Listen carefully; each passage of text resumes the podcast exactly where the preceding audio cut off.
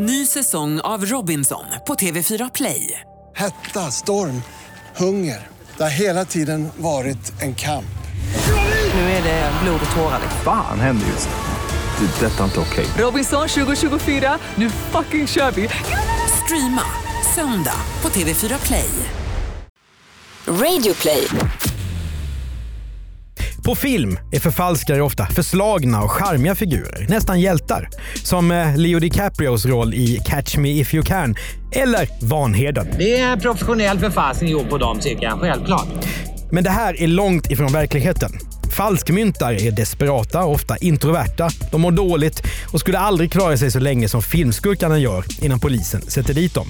Det är dags för ett sedelförfalskarbrott i Misslyckade brott. Välkommen till Radio Plays poddpalats. Jag heter Mattias Bergman. Mitt emot tronar också Andreas Utterström.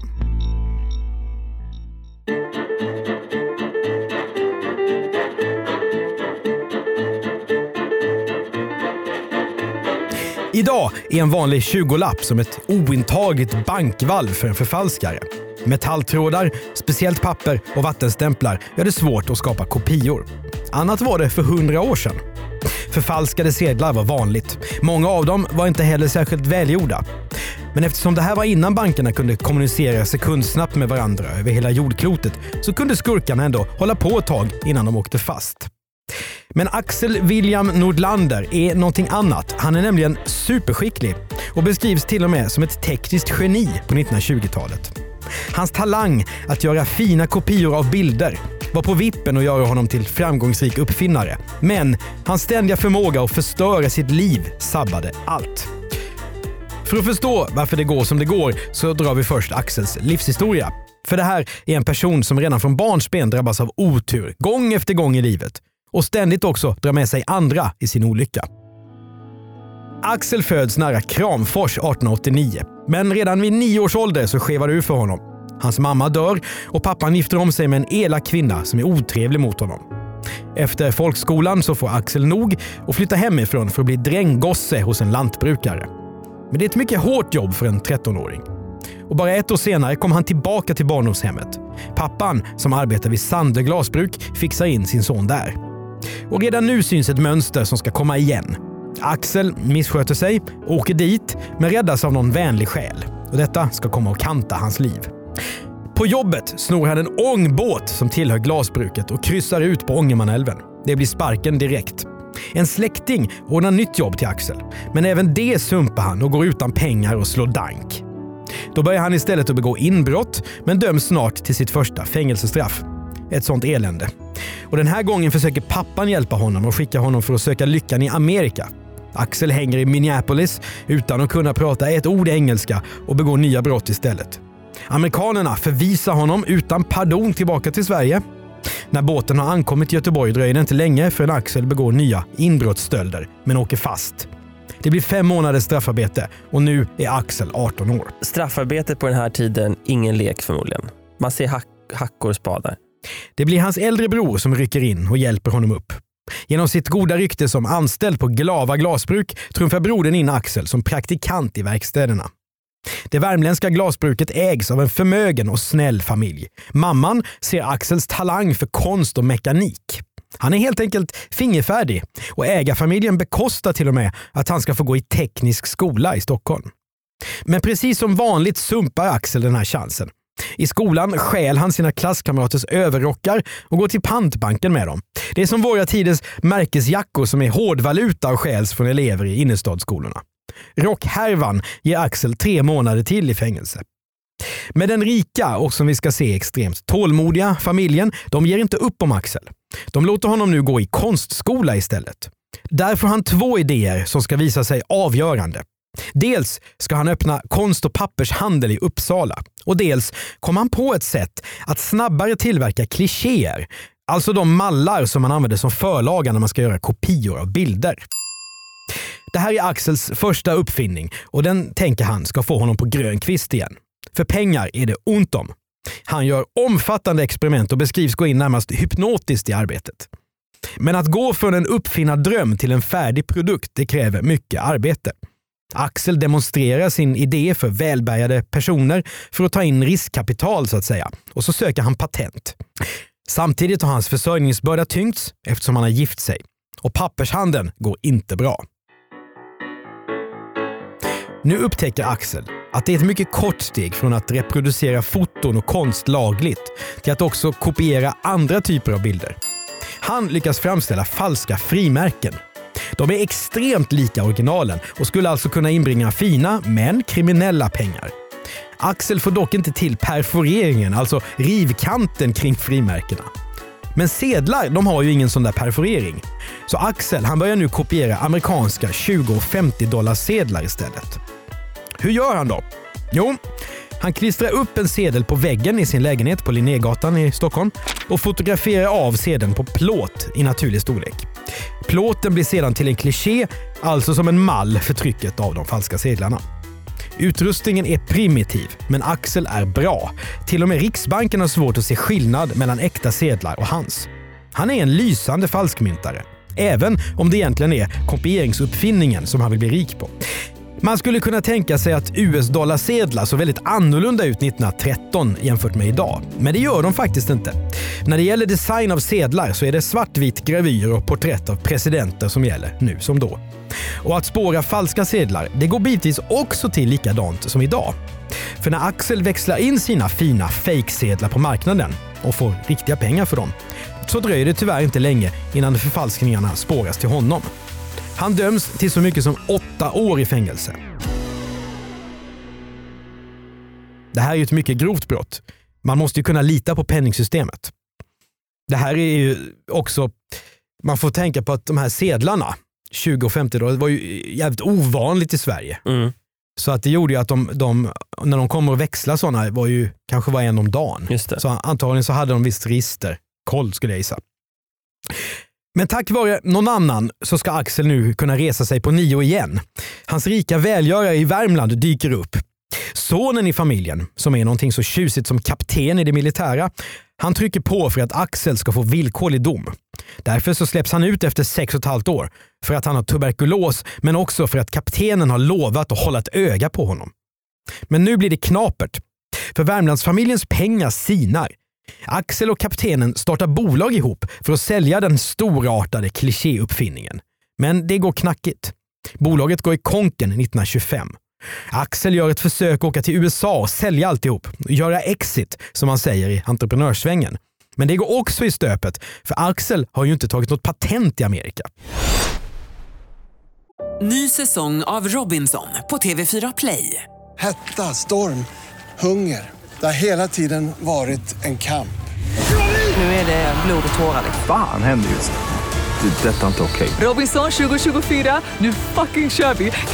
Streama söndag på TV4 Play. Ett poddtips från Podplay. I fallen jag aldrig glömmer djupdyker Hasse Aro i arbetet bakom några av Sveriges mest uppseendeväckande brottsutredningar. Går vi in med hemlig telefonavlyssning och, och då upplever vi att vi får en total förändring av hans beteende. Vad är det som händer nu? Vem är det som läcker?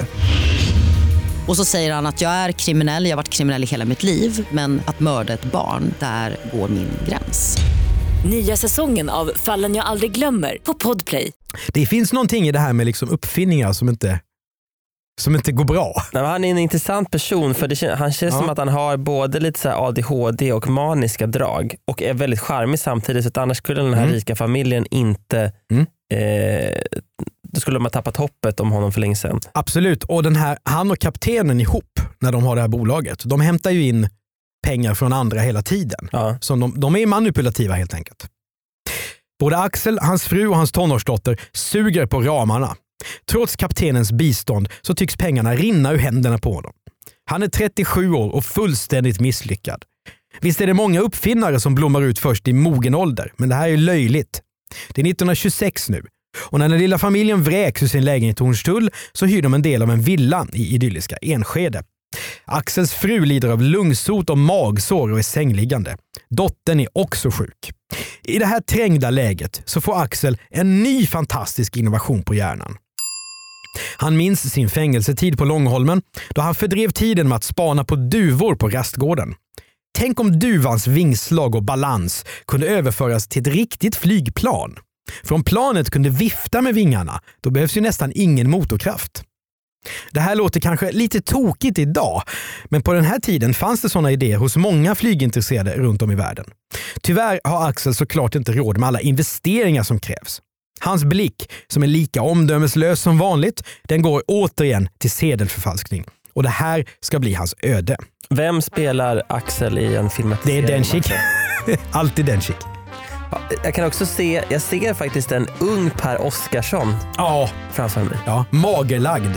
Ja, Också lungsjuk. Philip Seymour Hoffman om han hade levt. Absolut. Men när vi säljer det här till USA så blir det Christian Bale. Det vore inte bra. Avmagrad som i The Ja, Machinist nej, eller, inte eller, riktigt eller kanske. bitig som i Batman. Nej, inte bitig, det går ju inte. Men de skulle ju kasta fel. Ja, det är svårt. Han ser rätt okej ut på fotona. Som vi lägger ut i våra sociala medier. Mm.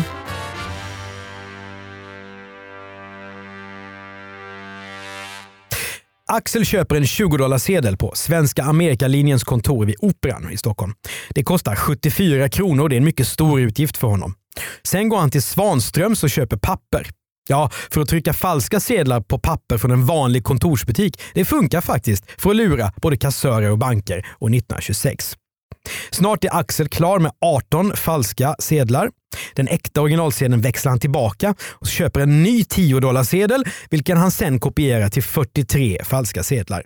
Därefter växlar han in 30 stycken av de här, men 13 stycken förstör han. Kanske blir han rädd. Han har ju sitt fängelsestraff i minnet så att han kanske ändå vill hålla sig på rätt sida lagen. Uppfinningarna måste ju trots allt gå först. Men nu läggs ytterligare bördar på Axels tunga axlar. Hans frus systerson Karl besöker honom. Karl har gått och gift sig trots att han bara har en springpojkslön.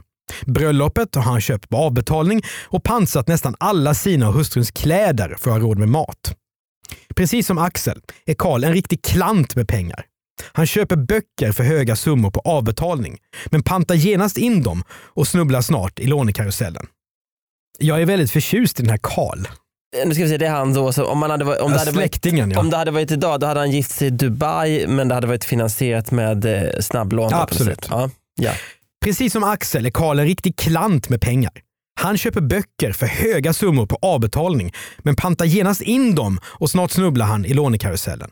Han låter sig till och med luras av en bokförsäljare som sålt ett bokverk till honom, men efter ett par dagar ber att få låna det för att visa en annan kund och så smiter han med varan. Karl är helt enkelt bankrutt och desperat efter pengar. Han kommer nu och gnäller av sig på Axel. Min fru tjatar om pengar, säger han och ber Axel om lite falska sedlar. Axel är försiktig, men han kan inte låta bli att briljera utan visar Karl några falska dollar. Karl går igång, men Axel avvisar släktingens förslag att sedlarna ska prånglas ut på marknaden. Men över jul och nyår 1927 har Axel tänkt om. Han går hem till Karl och berättar att han också är helt pank nu och måste lägga ner arbetet med sin uppfinning. Karl tar med sig Axel ut på promenad för att eh, slippa fruarnas chatter, som det står i berättelsen om det här brottet. Karl övertalar Axel om att det är dags för ett litet förfalskningsäventyr. Men några svenska sedlar blir det inte tal om. Då är det för lätt att bli avslöjad. Och Karl ska bli den som får prångla ut sedlarna. Förresten, jobbar kvinnor? Kvinnor jobbar inte på den här tiden. Nej, det är därför de har som försörjningsbörda. Ja, just det. De måste ta hand om familjen. Karl skaffar en brittisk fempundsedel och Axel skrider till verket. Och snart är 20 fina kopior framkallade och Karl växlar genast in 16 av dem. Axels del blir 450 kronor. Det motsvarar ungefär 13 000 kronor idag. Och Karl vilar inte på hanen. Han åker till och med ner till Göteborg för att minska risken och växlar in 5 pund hos Nordisk resebyrå där. Kassörskan går på bluffen, men sen är det kört. Sedan hamnar via restauratrisen Sigrid Nilsson på ångfartyget Balder hos styrmannen på skeppet. Och när båten och de fem punden kommer till London ser den engelska bankpersonalen genast att sedeln är falsk och slår larm. De vägrar såklart växla in sedeln. Stockholmspolisen får nu ärendet på sitt bord och sedelns väg spåras obönhörligen tillbaka till Karl. Dessutom har några få andra sedlar också avslöjats som falska av banker i USA och England. Utredarna frågar sig, vilka är de bästa förfalskarna i stan som vi känner till? Och vilka har blivit dömda för falskmynteri tidigare? Den 27 maj... Vänta 19 Mattias, innan Ah, du fortsätter så ska vi slå ett slag för vår bok Misslyckade brott. Just det. Där kan man inte läsa om några förfalskare men man kan läsa om utpressare, folk som fixar läggmatcher, folk som rånar bank iförda dykardräkter. Mm, kidnappare. Mm. Alla som klantar sig. Och sabbatssabotörer, din favorit. Ja, just det. Uh, ungdomsbrottslingar som bombar Stockholm. Misslyckadebrott.se kan man köpa boken. Det är alltså 11 utvalda case ur podden. Och man slipper höra oss, men får se bilder istället. Ja, får jag läsa vidare nu? Varsågod. För nu börjar det närma sig eh, eh, Intrigen tätnar som det heter. Nu, blir det, nu växlar vi upp här. Den 27 maj 1927. Det är en stor dag för Axel. Med hjälp av sin mecenat, kaptenen från Värmland, och hans pengar så har han satt upp en lokal på Lästmakargatan mitt i Stockholm. Ett showroom helt enkelt, där han ska demonstrera sin uppfinning med tryckplåtarna för några intresserade kapitalister. Idag måste han vara på topp och sälja sin innovation. Klockan är inte ens fem på morgonen och på övervåningen i enskilda villan ligger som vanligt hans sjuka fru och dotter. Axel står i badrummet och rakar sig. I det ögonblicket rivs himmel och jord upp. Axel överrumplas av polisen med rakborsten i handen. Polisbilen kom med talrik besättning och slog ner som en bomb i den för övrigt fridfulla trakten. Ja, så skriver Dagens Nyheter, som fanns redan på den här tiden. Utredarnas misstankar om att Axel är skyldig till de skickliga förfalskningarna, det har besannats under spaning. Poliser har sett honom huka i sin källare i timmar och klura med sin primitiva utrustning. Redan under husrannsakan här på morgonen så erkänner Axel utan omsvep och tre falska brittiska fempundsedlar hittas också i huset. På eftermiddagen syr man in Karl som också erkänner. Bara timmar innan Axel skulle ha sålt sin uppfinning, cashat hem och kunde ha sluppit förfalska sedlar igen, så vänds hans liv till total katastrof. Frun är i chock och påstår att hon ingenting har vetat. Vi har knappt mat för dagen och så satt han i källaren och tillverkade pengar. Ja, det utbrister hon, lite chockad. Rättegången är både tragisk och komisk. DN kallar Axel för artist och beskriver det exotiska brottet som får en extra krydda av att sedlarna har spritts så långt som till Storbritannien och Amerika. Karls moder vädjar till rätten. Jag som moder vill inte förfäkta saken men ett långt straff förbättrar inte honom utan tvärsom. Han är så känslig och vek. Så har han ju familj som är en mycket ömmande punkt och föräldrar som nu måste ta hand om allt. Bara han inte får för långt straff för man orkar inte hålla ut. Det är ju väldigt sorgligt faktiskt. Ja, det är det. Mycket.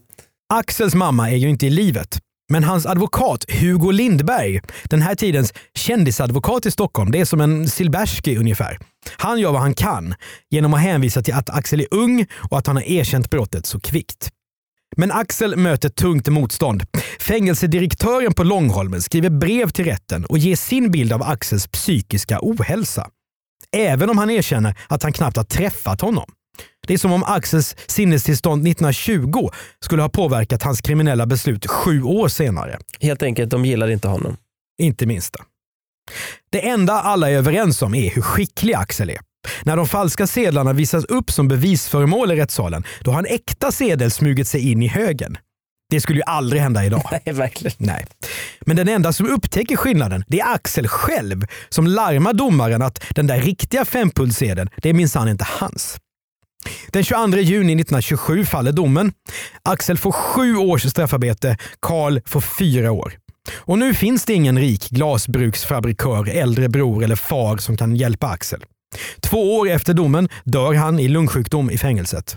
Experter enas om att hans uppfinning för att göra kopior av bilder är smart och kunde ha nått marknaden.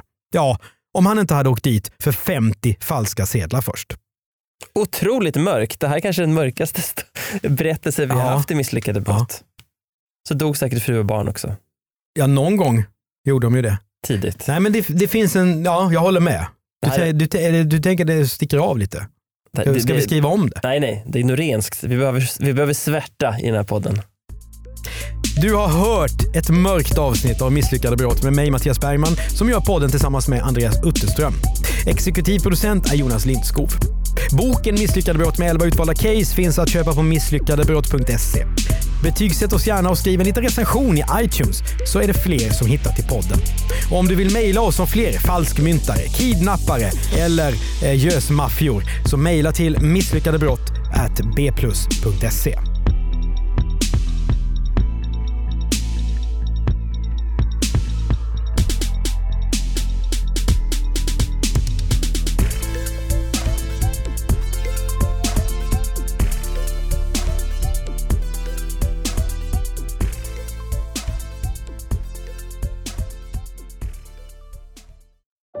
säsong av Robinson på TV4 Play.